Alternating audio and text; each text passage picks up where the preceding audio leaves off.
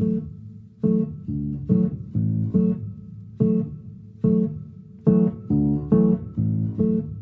och välkommen till Stephen King-podden med mig Jonas Strandberg som varje vecka pratar med en ny gäst om en av Stephen Kings många berättelser. Och med mig idag har jag min kompis Sebastian Mattsson. Tjena Jonas, tjena. Hej. Vad har du för relation till Stephen King? Ja men jag har, han har, han har liksom alltid funnits där som en konstant typ. Jag hade inte en sån period som jag tror många har, att de läser Stephen King i tonåren. Eh, jag var liksom bara medveten om honom, jag var medveten om att han skrev så ofantligt många böcker.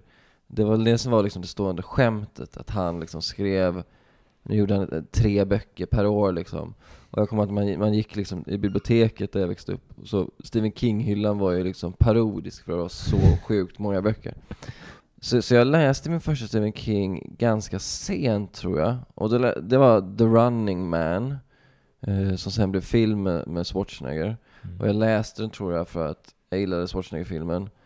Och det kanske inte var den bästa introduktionen för boken är ju väldigt um, annorlunda, eh, filmen får man ju säga. Mm. Men, men, men sen har jag liksom i efterhand börjat uppskatta honom mer och mer. ehm, även, även liksom bara som, som person, typ. Mm.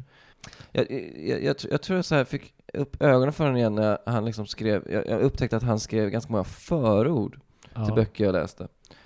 Och min... Alltså av andra författare? Exakt. Okej, ja, ja. ja. Och, och, och, och min bild när någon skriver ett förord är att man ganska ofta kan se när kända författare skriver förord att okej, det här är något du gjorde bara för att få en enkel check liksom. Eh, har du ens läst den här boken? Får man ibland uttrycket. Men med Stephen King är det så uppenbart att han älskar litteratur. Mm. Och att de här förorden var så initierade och så uppenbarligen skrivna av någon som verkligen bryr sig om boken i fråga, Mm. eh, som han skriver förord till. Så. Sen dess har jag liksom intresserat mig mer och mer för honom som person och sett att ehm, det finns liksom en sån spännande ehm, eller spännande, sympatisk är ordet jag skulle använda. Mm. Människa bakom det här enorma varumärket. Alltså han, han är ju så enormt stor. Så han, han, han skulle ju liksom kunna göra Ja, men så- Victor Hugo, han som skrev Ringen i Notre Dame och alla andra böckerna. Mm.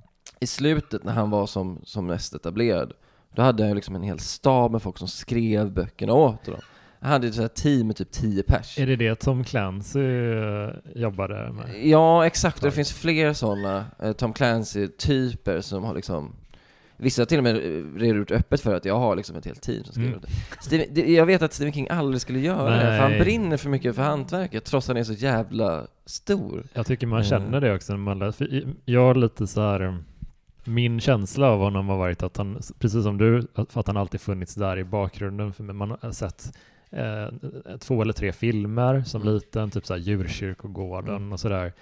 Men jag tror, en grej som jag har märkt, för jag började läsa honom väldigt intensivt typ 2012, 11 kanske. Mm. Det var precis efter ett breakup och jag, jag läste igenom hela The Dark Tower-sviten. Och det, om man inte känner till den så är det en serie som Stephen King har skrivit under typ drygt 30 års period. Han, han skrev första boken, jag kan inte årtalet, men typ så här 80-talet och sista 2004. Och sen har har det kommit lite tillägg och sådär. det, det är någon slags, jag, jag har sett en urusel filmatisering med Matthew McConaughey, men det är väl Mm. något slags fantasy western typ? Ja, eller? ja. det är lite så. Och den, eh, det jag blev så chockad över var, när jag läste den var att hur mycket han involverar sina andra berättelser Mm. i den. Mm. Och sen har jag börjat märka att han gör det ganska ofta. Han Ja. bygger, det är inte så att alla Stephen King-böcker är ett cinematiskt, eller alltså, litterärt universum, men det är lite så. Alltså det är ganska många som hänger ihop på olika sätt och Mm. så. Så det tyckte jag var väldigt häftigt. Och, och som du är inne på så är han ju extremt produktiv. Mm. Men ehm, jag tror att man blir lite, lite lurad och tror att han skriver mycket, mycket skit också. Mm. För det är många filmer som görs, eller nästan alla hans berättelser filmatiseras. Ja, så är det. Och de svänger väldigt mycket i kvalitet. De flesta är ganska dåliga, skulle Mm. jag säga. Alltså, det, det finns några få undantag, men de är rätt mediokra det mesta. Ja. Så man tänker det, liksom, man, det, man kombinerar de grejerna i huvudet. Man ser väldigt många Stephen King-böcker i bokhyllan eller Mm. på bokhandlar, bibliotek. Man har sett tre, fyra filmer som är sådär, Children of the Corn 4, typ sådana Ja. grejer. Och så tänker man Ja. att det är representativt för hans eh, värv liksom. Ja, det, det är plus att vi liksom har ju den här eh, missuppfattningen, även om det ibland stämmer, att är du en så pass populär författare så kan du inte vara en, en bra författare.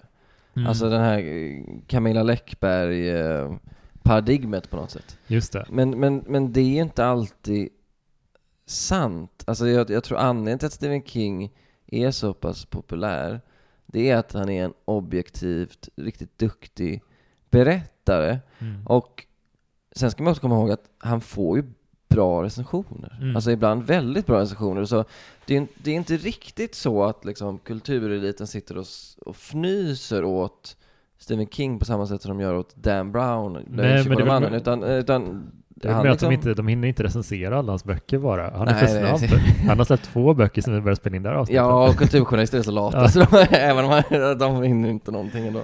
Jag tycker det är väldigt kul med extremt produktiva eh, konstnärer av olika slag. Ja. Och som du är inne på så eh, märker man ju ofta att han, han tycker det är väldigt roligt att skriva. Mm. Eh, och jag, min bästa, en grej som fick mig att bli extra lite så här från riktig man crush på Stephen King var när han hade något sånt sam, scensamtal med eh, George R.R. Martin. Mm. Och eh, Martin, liksom, han är ju notoriskt känd för att han tar väldigt lång tid på sig att skriva. Exakt. Han kan liksom bara skriva under vissa, ja men det här är, det här är min största pet peeve. Han kan- bara Mm. skriva när han under vissa omständigheter. Han kan skriva på plan, han kan inte skriva på hotell, han kan bara skriva typ han sitter vid sitt stora skrivbord och har många, Ja, många börjar- dagar. Det, det, det börjar klia i mig också. Jag, Eller hur? jag, börjar också störa mig. Skärp dig, ja, liksom. Ja, det är så töntigt. Och då, då frågade han lite så här, Stephen King, bara, "Ja, men hur, hur, hur gör du när du, eh, när du får skrivkramp, Mm. Steven? Och King bara liksom, nej men jag, jag skriver bara, jag skriver Ja. bara hela tiden. Ja, ja. Det, är, det är inte en issue. Ja. Och det var ju inte en beef, men i mitt huvud har det varit en beef så jävla länge. R.R. Martin hatar honom. Nej men Ja. det där, det där är kul också för att samtidigt, om jag, om jag ska ge R.R. Martin rätt här, vilket tar emot, Mm. så är det ändå så att, för det finns en annan, eh, han, han är död nu, men han var oerhört produktiv. Ray Bradbury, jag vet inte om du har läst honom, han var Nej. sci-fi fantasy-författare. Jag älskar honom. Han var också en sån som skrev hela tiden och som sa så här hela tiden att mitt råd är att skriva varje dag. Mm. Och Stephen King säger samma sak. Men problemet är ju bara att de två kanske inte inser att de har en särbegåvning med den här idérikedomen som de flesta författare inte har. Alltså jag själv skriver ju böcker Mm. och jag skulle inte kunna skriva varje dag. Eh, Jag försöker ändå, jag tänker ändå att jag ska vara hyfsat produktiv. Jag tänker att jag kanske vill komma ut med en, en bok varannat år eller något sånt där. Mm. Eller med två års mellanrum eller något sånt. Men jag har liksom inte den här idébanken som Bradbury eller King, liksom, eh, Stephen King, alltså så här, eh, För att kunna liksom hålla det tempot han gör, då måste jag, tänker att han har liksom så sex idéer, typ fullt realiserade Ja. i huvudet hela tiden. Jag förstår vad du menar, men jag tror en grej jag, jag läste hans självbiografi slash skrivarguide för Mm. väldigt länge sedan och den heter eh, On Writing, Mm. eller att skriva. Och där tror jag det han berättar om när han skulle eh, publicera Carrie, Mm. Att den var för kort för att vara roman. Mm. Och det har man ju typ, det har uppfattning har man inte av honom nu. Om man ser Nej. ryggarna till hans romaner i valfri bokhandel, det är liksom inte, Ja. det är inte ett problem. Att Nej, en, av de, en av de böckerna jag läste av honom, The Stand, är ju kanske längsta boken jag läst. Den är är tre- helt- 1300 sidor Helt sjukt lång. Helt Ja, sjukt lång. ja. Var det inte den, vi, vi kan göra ett uh, standavsnitt också någon gång. Eh, men vi, jag för mig att det var den han gav ut i en uppdaterad version. Där Det var- han har det- uppdaterat referenser och sådär. Ja, exakt. För han tyckte att eh, vissa saker hade blivit förlegade och så. Jag tror det är den, den uppdaterade jag har läst, den också la till typ 200-300 sidor. Han tog bort eh, Clear Coke eller New Coke. Ja, och så. no, no, sådana grejer. Eh, vilket också är, det är också rätt sympatiskt att han han har ju en sån här opetentiös inställning till texten. De Mm. allra flesta författare vill ju inte röra sin egen text och säger nej, Mm. lagt kort ligger, Mm. den är liksom ett, den är huggen i sten nu liksom. Mm. Men han är bara, nej vi kan väl ändra det här, jag kan ändra det här. Men det är väl som Lars Lerin, tror jag, som om han är hemma hos någon på middag och ser att de har en tavla och han inte är helt nöjd med den, Mm. så kan han bara, kan jag få ta hem min tavla Ja. så kan jag göra om den lite så kan du få tillbaka den Ja. några veckor. Ja, jag kan ju känna igen mig, jag skulle vilja göra så med min senaste bok. Det finns vissa grejer där jag redan tröttnat på som jag bara, kan jag få tillbaka alla? Sen är det inte lika stor upplaga som Stephen King, så jag skulle typ kunna samla upp alla mina egna och så bara ta bort en grej och sen skicka tillbaka den.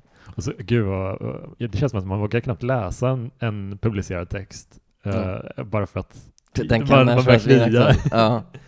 Men eh, vi har läst en bok för det här avsnittet som Mm. heter The Colorado Kid. Mm. Och vi kommer prata lite om den boken först. Mm. Och vi kommer inte spoila viktiga skeenden. Så om, om Nej. det är så att du, du som lyssnar inte har läst den här boken, du kan lyssna vidare tills vi tydligt säger att Mm. nu blir det spoiler-territorium. Mm. Och då får du lyssna vidare om du vill, men också stäng av om du inte vill bli spoilad. Jag kollade upp lite om den här boken nu innan vi skulle spela in här och den kom 2005 Mm. och gav, var den första romanen i alla fall som gavs ut efter att han hade avslutat Dark Tower-sviten. Mm. okej. Och den Dark Tower-sviten, det- jag tar det lite från minnet här, men jag för mig att den var att han körde ut tre, de tre sista böckerna ganska tät följd. Och de, De var ganska tjocka. ja, tjocka Ja. och det är en episk historia. Mm. Eh, och då följer han då den med den här boken Mm. som var den enda som han gav ut under 2005. Mm. Eh, romanen Det i alla fall. Sjukt att det, det var den enda han gav Ja, ut. Alltså det Vilken är, annan författare som helst hade sagt ja, vad- ja. Eh, ja. Det är inget konstigt med det. Att han, Ja, att han nej. en, ja. Nej, men det är ju lite som, eh, jag hade en podd tidigare om Nicolas Cage, Ja. eh, där jag pratade om hans filmer, och då var det anmärkningsvärt när det bara var ett, en film på Ja. det här året. Det var, han var sjuk det året. Ja. det- ja. Det här är också en lite, Colorado Kid, det är en lite kortare roman för att vara King. Den Mm. är drygt 200 sidor. Mm. Och eh, en isolerad story. Eh, Ja. Ganska verklighetsförankrad rakt igenom, väldigt socialrealistiskt. Liksom. Inget övernaturligt om man inte själv läser in det. typ. Nej, ja. det går att liksom vara så. Men eh, så jag får känslan när jag såg liksom dels hur, bara visuellt hur tjock den var, Mm. eller hur tunn den var och hur, eh, när den hade varit utgiven, att det här är ett sätt för honom att bara starta om Mm. som författare. Han vill så stänga av Dark Tower, han har levt med det så många år. Han, Mm. har, han var med om en, en bilolycka, trodde inte att han skulle kunna avsluta Dark Tower-sviten, Mm. fick panik och avslutade den i panik. Ja. och nu eh, kom, följde han upp den med The Colorado Kid. För jag vet ju lite också om jag, om jag får eh, vara på något sätt facit här. För jag vet lite om uppkomsten av den här boken. Oh, berätta. Eh, den, för den, den illustrerar också det här sympatiska tycker jag hos Stephen King. För då, den, ges ut på ett förlag som heter Hard Case Crime. Mm. Eh, ett spännande förlag som jag kan, om man gillar Stephen King då tror jag man gillar Hard Case Crime. För de ger ut eh, för det mesta ganska tunna böcker som är skrivna i någon slags lite så här pulp, eh, pulpådra. Så det är ofta så här noir, deckare, hårdkokta deckare, eller lite sådana liksom, Mm. roliga böcker som man bränner igenom snabbt med, lite, med kul dialog liksom. Ja, men så här lite uh, flygplatsvänliga. böcker. Flygplatsvänliga och också så här, blandar liksom så här gamla böcker eh, i den genren men också så här nyskrivna böcker. Jaha. Som också är skrivna i den här traditionen. Ja, för jag reagerade Mm. på omslaget. Den kändes väldigt ju väldigt... omslag har. Ja, eh, och jag kommer ihåg att jag, har, jag fick, jag kom på att det var en bok jag hade eh, som fick mig att tänka jättemycket, när jag, som jag tänkte jättemycket på när jag såg omslag till The Mm. Colorado Kid och det var Joyland. Just så jag gick och kollade på den. förlag. Det är Mm. samma. Och jag bara, fan den här Mm. har jag inte hunnit läsa. Men det kommer jag göra nu då. Nej, men, eh, bakgrunden är att det här var, vid den här tidpunkten, 2005, ett, eller 2004 när det var, de tog kontakt, eh, ett väldigt litet förlag Mm. eh, med typ två anställda. Och jag lyssnade på en intervju med grundaren som heter Charles R. Day. Eh, och han eh, jobbade med förlaget och de hade inte så stora budgetar för att erbjuda, erbjuda författarna. Men så hörde de ändå av sig till Stephen King och sa så här eh, Har du någonting som typ gått ur print, eh, som inte trycks längre och som du kan ge ut hos oss? Eh, och vi, du, vi fixar en fördelaktig deal liksom. Eh, något som passar liksom vår så här, hårdkokta genre. Mm. Men då sa Stephen King, äh, jag skriver något helt nytt åt er istället. Och det räddade det här förlaget, för att en Stephen King-bok går ju direkt upp på, på bestsellerlistan. Ja. Så tack vare det liksom så kunde de ju, ja de går ut den här boken då, så kunde de ju eh, etablera sig ännu mer, bli ännu större, expandera. Jaha. Och han har ju fortsatt ge ut böcker, trots att man vet ju att arvodet han får från Hard Case Crime Ja. är så otroligt mycket mindre än han skulle få för, från en ett, vad heter Simon Schuster eller någon sån här större ja, ja, det är klart. Eh, Fan vad, vad gulligt av honom. Ja, så de, jag hörde intervjun med honom, han blev helt chockad liksom. Eh, Ja. Och sen har han fortsatt ut som sagt med de här.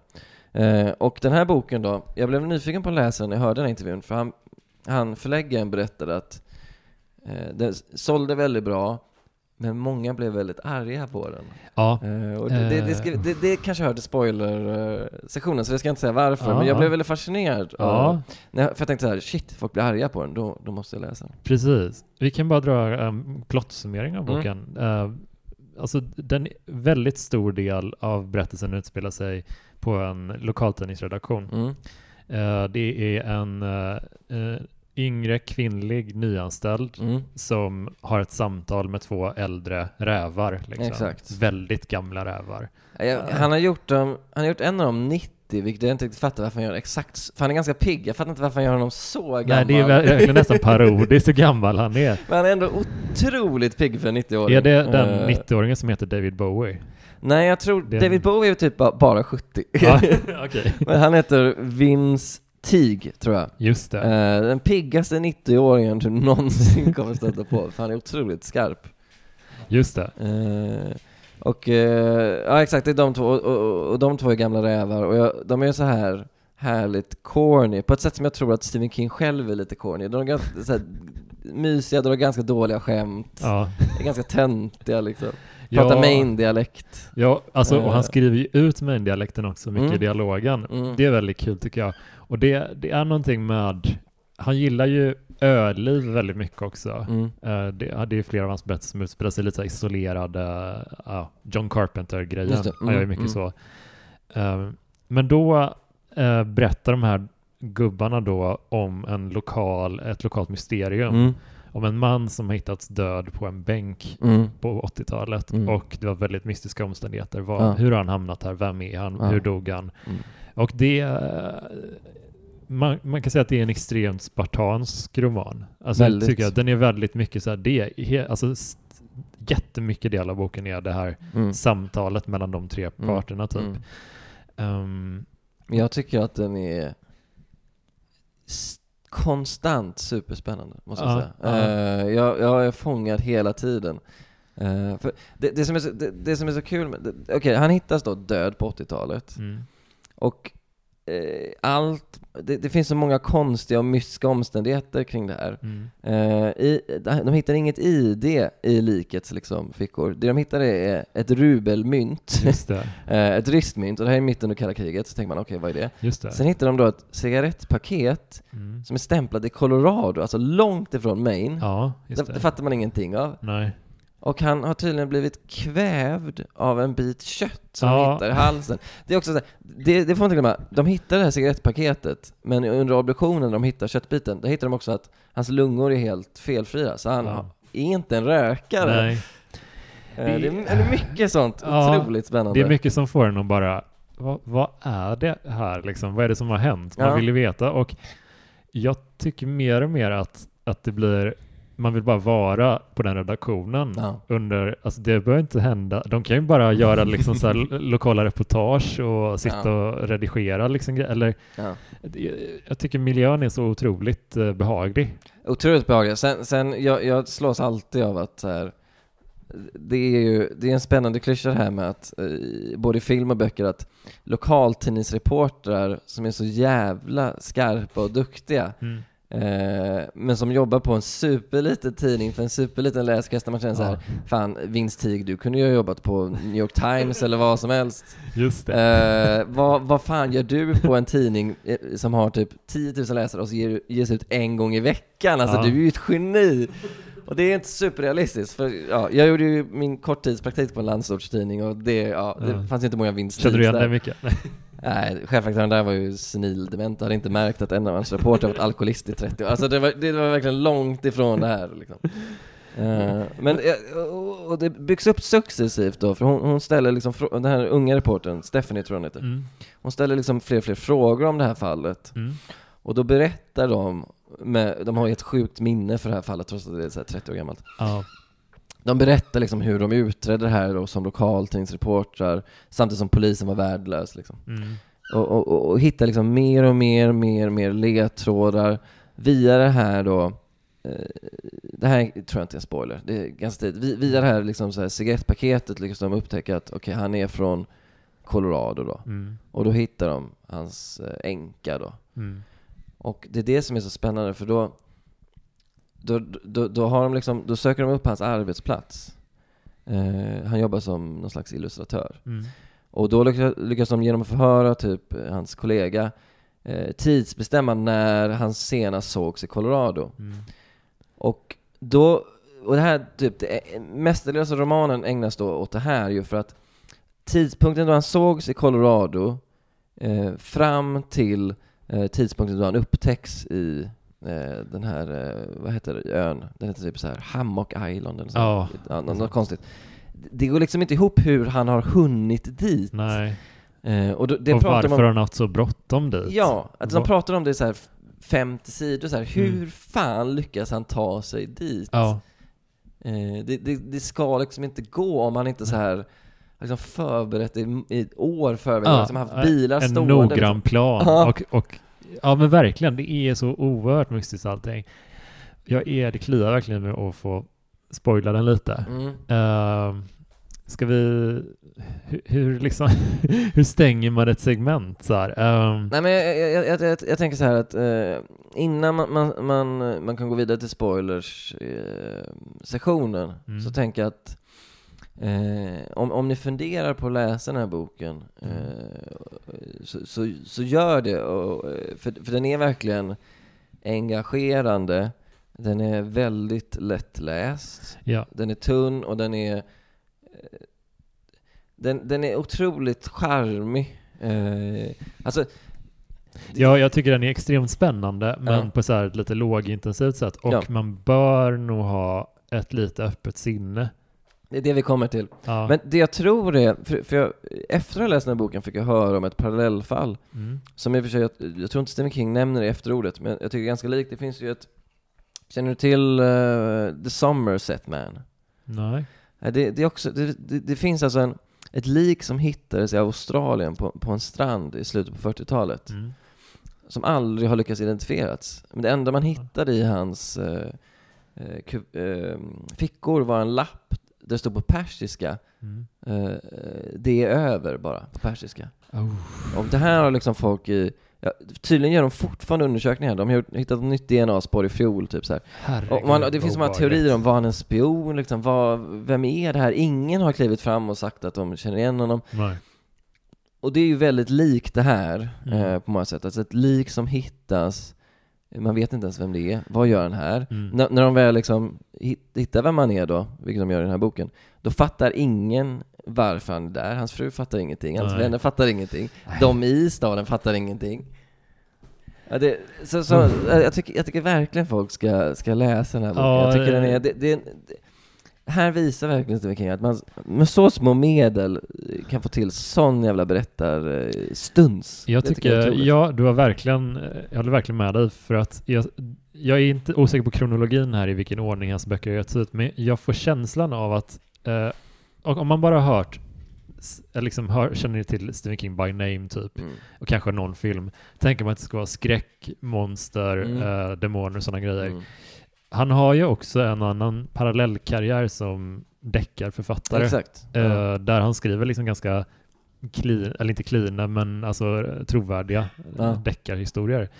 Och Ja, och jag, jag, tror- jag tror därför han gillar det här förlaget Hard Case Crime, Ja. för det är sånt de ger ut. Jag tror det här känns lite som kanske en, att han doppar tårna i det här Ja. och börjar lite få Mm. blodad tand Ja. i den här boken. Så varm rekommendation, Mm. men ha lite öppet sinne kanske. Så det, det finns en risk att ni blir jätte... Jag tror, jag tror alla blir fångade av den här, sen finns det en risk att ni blir jättearga sen. Ja. Eh, och sen, då är ju liksom frågan... Men- jag, jag tycker även om man blir jättearg så eh, tycker man ska läsa den. Eh, Det är, alltså, ja, det är inte farligt att bli arg liksom, Nej. och det är roligt. Men okej, okej, så här.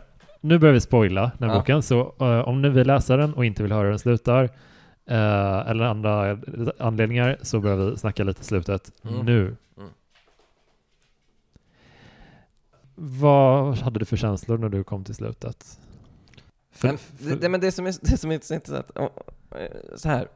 Först känner man att en halva i boken saknas. mm, För det är ju, en, en vanlig bok med ett vanligt slut tror jag att det hade gått till så här. För då, då berättar jag först de här två gamla rävarna liksom, om fallet, som de aldrig lycka, liksom, lyckats eh, lösa. mm, Och i en vanlig bok då, så hade hon, Stephanie, som lyssnat på det här, Hon hade då hört allt det här och sen hade hon hittat någonting litet, Mm. tagit vid där de slutade Just och det. löst det. Det. Men boken slutar med att de säger så här Nej, vi vet inte vad som hände. Och sen är det slut.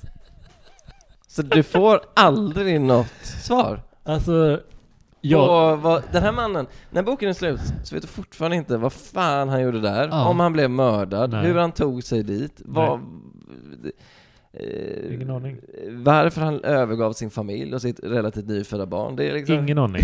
Ingen aning. Och eh, man kan ju dra eh, en, en parallell. Jag fick en association till hans eh, lite mer samtida bok eh, Outsider. Mm, jag, har bara, jag bara sett HBO-serien. Ja, Eh, ja det, jag tror... Ja, men jag har nog bara sett den också tror jag nu när jag tänker efter. Men, för, men det är mycket så här, storyn ska tydligen vara ganska trogen typ. Att Mm. han... Det är en man som blir gripen för ett mord, mm. men han var inte där. Och Nej. det finns liksom typ belägg för att han inte var det. Ja. Men Det han... finns också belägg för att han mördade. Ja, precis, det är lite den där- Det är en väldigt bra serie. Det är en väldigt, Eh, alltså sjukt bra upplägg och sådär. mm. Där är det lite mer av ett klassiskt snitt, eh, alltså där man får, det finns en, förkla- en förklaring Ja, till ja, det där. ja. Här gör det inte det och jag tycker det är lite, jag tror han testade lite, hur känns det att inte skriva ett riktigt slut till en, en, en roman? En spänningsroman Ja, också, Ja. där man går och klurar på det hela tiden. Men jag, jag tycker, och det han också skrivit i sitt eh, efterord till den här boken. Ja, För jag tror, jag tror han skrev det här, för jag tror att många som läser den här boken, bland de som blir arga, mm. tänker att han, att det här är en så kallad cop-out, att han typ så här var för lat för att komma på en förklaring till det här sjuka mysteriet. Mm. Eh, och därför bara lät det sluta. Jag tror, men själv skriver han så här, jag hade lätt kunnat komma på ett slut på det. Ja, Och det, ja. det tror jag också han hade kunnat. Herregud ja, han har ju skrivit över 60 romaner. Ja, Det är klart att han kommer på- kunna komma på ett slut. Men jag tror han har helt rätt i att det som gör boken så, försöker komma på ett svenskt ord för haunting, alltså så att det hemsöker en. Mm. För jag läste den här boken för några år sedan och jag tänker fortfarande på den. Det är just det att man inte får ett Mm. slut. Mm. För så tänker jag också att det är därför folk är så fascinerade av Palmemordet liksom. Ja. Skulle det komma fram en förklaring att det var han, ja, här DNA bestämt. Då, då försvinner lite av tjusningen. Verkligen. Eh, mysteriet försvinner. Och det är han också inne på sitt efterord, att liksom så här, vi måste värdesätta mysteriet. Eh, Jag tror att, hade det funnits 50 sidor till där allt det här förklarades, Ja. jag, jag, jag tror att det hade varit en sämre bok. Ja, jag faktiskt. håller verkligen eh, med dig för att det, jag får en sån känsla lite när man läser sån här, för du hade nämnt tidigare att, att slutet upprörde folk Mm. innan jag läste. Jag, Jag gick in och läste några användarrecensioner Ja. och de är ju, ja, vi- vissa tycker ju typ att han borde ge dem pengar tillbaka. Jag, jag vet att förlaget fick ju till och med så här brev om att de, folk skickade tillbaka boken och sa jag vill inte ha det här. Hur kan han göra sån jävla ansträngning när man inte tycker om en bok. Nej, men när man vet om det, eller oavsett, jag visste ju inte vad anledningen var, men Mm. när man känner till den reaktionen, då blir jag lite, lite så här kärringen mot strömmen. Mm. När man kommer till slut, då Mm. börjar jag gilla det mer. Ja. För att man vet att ja. Ja, men man känner så här, man, får- det är ändå ett tidigt avsnitt av, av, av den här podden så det Mm. kanske är dumt att börja prata, men, men man får ju ett svennebananförakt Mm. ändå när man hör om folk som är lite enkla Ja. i sin uppfattning och inte ens kan försöka tänka att så här kan man ju också sluta en bok. Nej för, okej, vi- vill du ha ett, ett, ett färdigt liksom eh, Det finns jättemånga. arrangerat, det finns tusen spänningsromaner Ja. med eh, liksom färdigt slut. Och, Eh, och många av dem har, har. King skrivit också. Ja. Alltså de har, alla har ett slut. Alla hans har liksom ett, ett mer eller mindre, Mm. inte, inte jätterimliga avslut alltid, men han, han skriver ju alltid tydliga avslut. Mm. Eh, och det är så kul tycker jag att han går från eh, då Dark Tower, sista delen som kom innan den här, slutet där har debatterats lite. Det finns ett slut, men det Mm. är liksom lite diskuterat åt olika håll. Hur han gör, gör ett, en sån grej och sen följer upp det med ett annat Mm. slut som delar Som inte ens är publiken. slut riktigt. Nej. Bara frånvaron Ja. av... Men jag, ja, jag tycker det är så... Nej, men jag, tycker, jag tycker också att det är så jävla... Det, så, det, det, det säger någonting, återigen, någonting sympatiskt om, eh, om Stephen King, att han är en sån otroligt etablerad författare. Mm. Och han eh, har absolut, han kommer aldrig... Hans barnbarn, barn, barn, barn, barn kommer inte behöva jobba om de inte vill. Mm. Men han är ändå liksom så här, han är så förtjust i litteraturen att han är liksom Han vill experimentera, han vill testa nya grejer, han vill testa gränserna. För det här känns ju som också som att så här eh, det hade varit något annat om en typ så här superexperimentell författare gjort det här. Mm. Men nu är det liksom världens mest etablerade spänningsförfattare som Ja. tänker att jag, jag skiter i reglerna. Jag fuckar med reglerna. Ja, det är så häftigt. Det, jag tycker det finns lite två, två sidor av det som jag kommer på bara spontant. Dels, det är väldigt roligt att han är 70 plus Mm. Eh, och gillar att experimentera med Ja. nya grejer. Ja, Alltså det är jätteuppfiggande. Men jag tror lite som du touchar på att han är så etablerad. Jag tror att det är anledningen till att han kunde skriva det här slutet. Så är det. Hade jag skickat in det här så hade de sagt, är du dum i huvudet? Ja, men det, det, det är liksom, folk vet så mycket, har, har i alla fall en King Story i bakhuvudet Mm. som man har blivit så här, fan, Nyckeln till frihet, alla har sett den. Mm. Gröna mil, alltså det finns det är så Mm. många som folk har sett och verkligen blivit berörda av. Ja. Så de, han kan göra nästan vad han vill. Mm. Men jag tycker det är lite konstigt att han skriver ju bra romaner fortfarande, men det är ändå lite Mm. konstigt att han fortfarande hamnar på bestsellerlistorna eftersom han ger ut så mycket. Det är inte ett event när det kommer ut en Stephen. King-roman på det sättet. Jag, jag funderar också på det, men det är väl att så här, det finns väl många sådana här uh, casual-läsare Mm. som, som du sa, gå in på en flygplats, Mm. jag vill ha någonting. Ja, men det går väl aldrig fel med en Stephen King-roman liksom. Ja. Sen är alltså, så jag, jag, jag har ju läst relativt få av hans böcker, kanske läst fem stycken. Mm. Och jag har aldrig stött på en riktig nitlott, en riktig dud. Det kanske du har. Han, ska, han är ju väl ganska ojämn vad jag förstår. ja, några noveller tycker jag är lite sådär. Mm. Och vissa Under the Dome var jag inte jätteförtjust i. Jag såg lite på tv-serien och det var ju ingen... Nej, nej. den, den är lite... Nej, den tyckte jag var lite för... Där är ju... Ja, man kan ha specialavsnitt av den också, men den har så mycket symptomet att han är kär i en premiss väldigt Mm, mycket. mm. Och sen är det jätte, jättesvårt att knyta ihop det. Ja. Alltså det är verkligen... Ja, mycket problem. Nej, och, och det är väl lite det att han... I och med att han skriver så konstant så kanske han inte har liksom slutet. Jag, jag lyssnade ganska nyss på en intervju med Twilight Zone-skaparen Rod Serling. Mm. Eh, han är död nu, men när han gjorde den intervjun då så var han mitt i att skriva en story. Och då började han med att berätta premissen. Det var någon slags tidsresepremiss, bla bla. Och så, han är så jävla exalterad, men så plötsligt går luften ur honom och säger han och sen har jag ingen aning om vad som ska hända. Mm. Och man märker på honom att fan, han, liksom, han tänker att han har 70% Mm.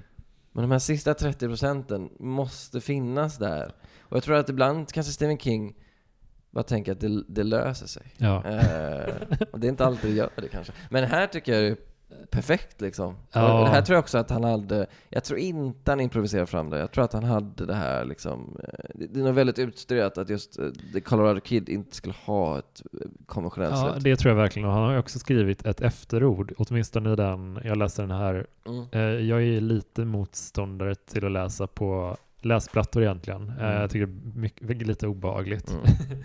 Men den här läste jag faktiskt på, på min svingamla iPad Mm. och det kanske inte är samma i varje utgåva av den här, att han kanske har, jag vet inte, har han, I, I min eh, fysiska det också samma. han har den här där han förklarar att det här kommer dela publiken, Jag- jag- några kommer älska, några kommer Jag hata. tror det säkert, jag skulle gissa att det är med i alla, för det är ganska viktigt efteråt tror jag. Eh, för det, det, det, det är liksom lite så här fuck you statement. Eller så Ja. aggressiv är han inte, men det är ändå så här att han säger liksom mellan raderna typ, vilket jag kan tycka är lite kul att Mm.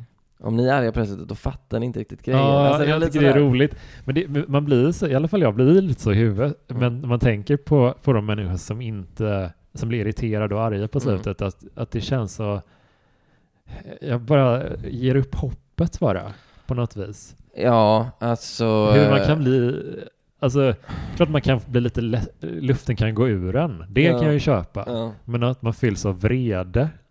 Nej, jag vet, jag vet När är man också, läser 200 sidor lång mysterieroman. Alltså, alltså det, det är också så här att folk, jag kan också bli uppgiven för det är som att folk vill ha eh, samma hela Nej tiden. men folk vill ha samma, och de vill också känna samma känsla när de har läst klart en bok. De vill känna sig 100% tillfredsställda. Mm. Och om man säger så här, jo men att du inte blir tillfredsställd, det är liksom kanske en del av poängen. Och läsning ska väcka massa olika känslor. Mm. Och, men det är väl lite samma sak som, jag kan ju lacka på folk när de säger så här, jag har ett filmtips, inget deprimerande. Och då känner jag, håll. Då Fråga ska du inte någon kolla på annan. film, då fråga någon annan. Alltså för att det, det är inte så att jag bara kan rekommendera deprimerande filmer, men du ska liksom inte ha sådana regler till att börja Nej, det blir så ins- oinspirerande. Ja. Men det, det som jag slogs mest av när du berättade lite om de här reaktionerna och sen så läste jag lite och eh, Mm. förstod att det hade kommit sådana Mm. negativa reaktioner mot den här boken. Mm. Det var det, det var ju lite så det var när eh, Twin Peaks kom, som jag förstått det. Mm. Och som folk fortfarande lite, ja man får ju aldrig reda på vem mördaren är. Ja, Ja. men håll käften. Ja. Alltså så, det är, hur kan de inte tycka det är behagligt att vara i Twin Peaks? Hur kan man Ja. inte tycka det är behagligt att vara på redaktionen? Alltså njut av det Nej, men bara. det roliga är också för att i Twin Peaks blir det ju ändå lite så här förklarat. Ja.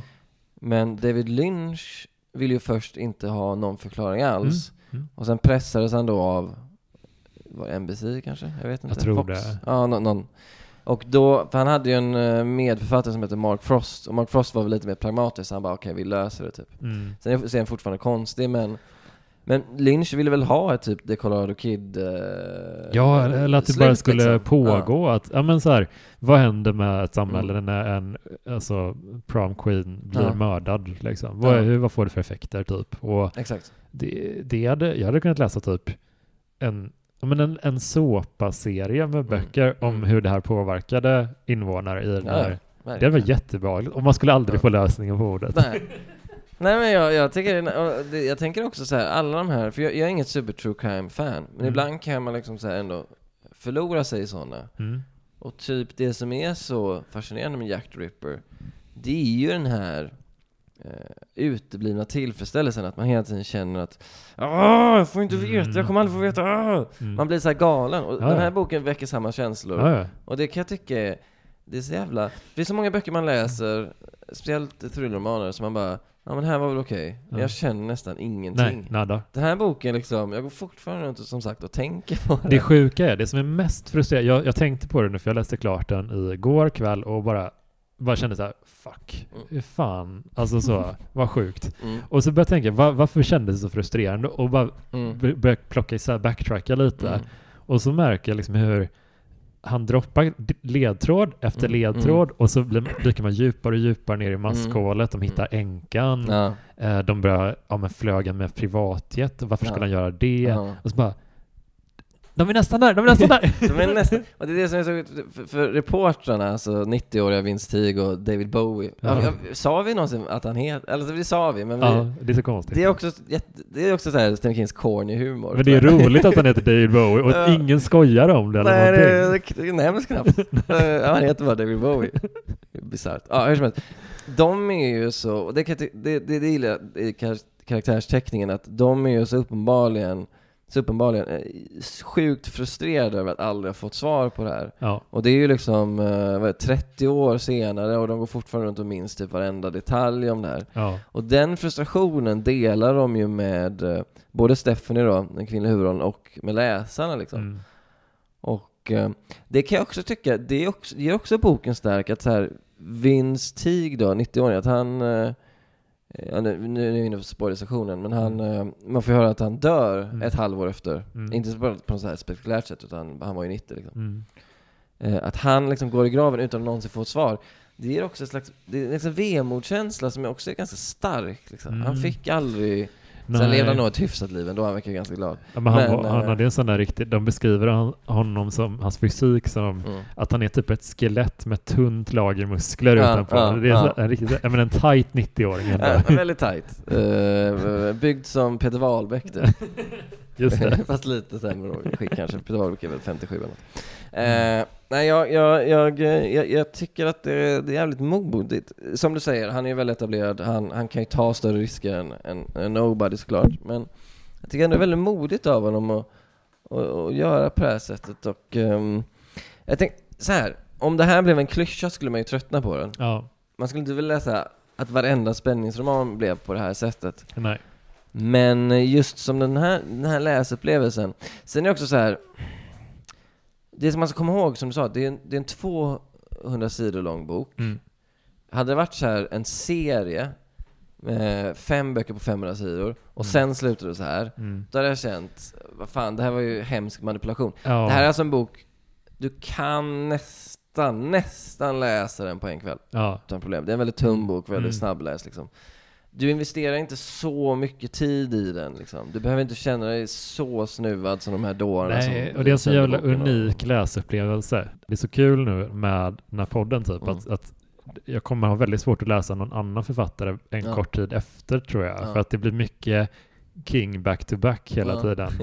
Det som Ja. jag inte har läst nyligen måste jag säga speedläsa. Ja, ja, ja. Det var ju fint att jag tog en ganska kort bok ändå. Ja, ja men verkligen. igenom. Kommer man igång lite så här. Ja. Sen kommer ju The Stand Ja, på 1300 sidor. ja den eh, det får man kämpa med tror jag. Ja, alltså jag ska säga så här. Det, det går ju ganska snabbt att läsa den. Det är bara att det, det går snabbt att läsa men det tar jävligt mycket tid. Det, det, det, var, det var någon slags paradox här. Men eh, jag tror jag läste den hyfsat snabbt för att vara en sån tjock bok. Mm. Och den är ju liksom tjock av en anledning för att det är så jävla många karaktärer i den. Ja. Och så många trådar. Men den har jag, den har jag faktiskt inte läst. Nej. Så det ska jag se jättemycket fram emot. Vill du komma tillbaka någon gång och snacka om ett stand? Ja, det kan vi faktiskt göra, för där finns ju också en... Där var, The Stand-boken tycker jag har ett tillfredsställande slut, men tv-serien, eh, där var den, helt, den avslutas på ett helt Jag sinnessjukt tycker sätt. båda tv-serierna. Alltså den, Eh, ja, jag, jag såg bara den nya som Alltså, började bra och sen spårade helt. ja, ja, så jävla... Ja men okej. Helt vi- vansinnigt. Eh, men det, Ja. det, det gör jag väldigt gärna. Kul. Eh, det, var en, det var en kul bok. Väldigt olikt The Colorado Kid. Men det är Det också är det så här, mesta. det, det, är, det är ganska otroligt, eh, som du är inne på, att han har varit så, eh, så mångsidig. Mm. Men det är också ro, det är roligt, bara som så här, någon sorts closing words. Det är ändå fint att man så här, som 70 plus Mm. författare, han kanske är 80, hur gammal är han? Jag skulle gissa, så här, när kom Carrie? 70-talet? Ja. Och var, han var väl ganska gammal när han debuterade, va? Han var inte så super, han var så minst så här 28, Han var så här 29. lärarvikarie typ, de bodde i någon sorts husvagn nästan. Det kan jag tycka är så intressant, man kan vara så här 26 Ja. och så tror du att du, det här blir mitt liv. Ja. Och sen bara händer något och så får du helt ja, det är helt Det, det, är ganska, det är fint. Det går, för, det går inte för idrottare, men det går för, Nej. eh, för författare kan du liksom slå igenom eh, Ja, sent. alltså men, men bara det att han, ja men nu ska jag börja skriva crime, eh, alltså romaner, Mm, alltså mm. polisböcker typ Mm, och så här. mm. Men jag ska samtidigt Mm, fortsätta med mm. att skriva, ja men så här, The Institute har vi på bordet framför oss. Ja. Alltså, Ganska eh, tjock bok. Ja men spänning, eh, lite sci-fi, lite, lite Carrie-vibbar typ. Mm. Eh, så han gör ju båda två. Mm. Han har inte slutat med någonting, han har bara lagt till en Ja. grej på sitt... Nej men det, det, och det är nog, för det finns ju olika sorters författare och vissa måste ju kämpa väldigt mycket eh, med sina böcker och för andra känns det som att det de skriver bara är en förlängning av deras personlighet i någon mån. Mm. Alltså det är bara liksom ett flöde. Samma sak med Ray Bradbury som jag nämnde att så här. Det finns en anledning till att vissa är så otroligt produktiva. Det är för att liksom, det, det, finns liksom ett redan existerande flöde i dem som de bara börjar ös- ösa ut på papper. Mm. De behöver kanske inte så här kämpa så mycket som, som vissa andra. Nej, nej. Ja, men det är ja, fint. Ja. Ja. Men tack för att du var med och pratade om Colorado Kid. Tack så jättemycket Jonas. ses vi snart igen och pratar om The Stand. Tack för att du har lyssnat på Stephen King-podden. Eh, det skulle jag kanske sagt innan vi började med spåra. Skitsamma. Tack för att du har lyssnat på Stephen King-podden. Uh, gå gärna in och, och prenumerera och stäng upp ett betyg om du tyckte om avsnittet. Eh, och så hörs vi snart igen. Hej då!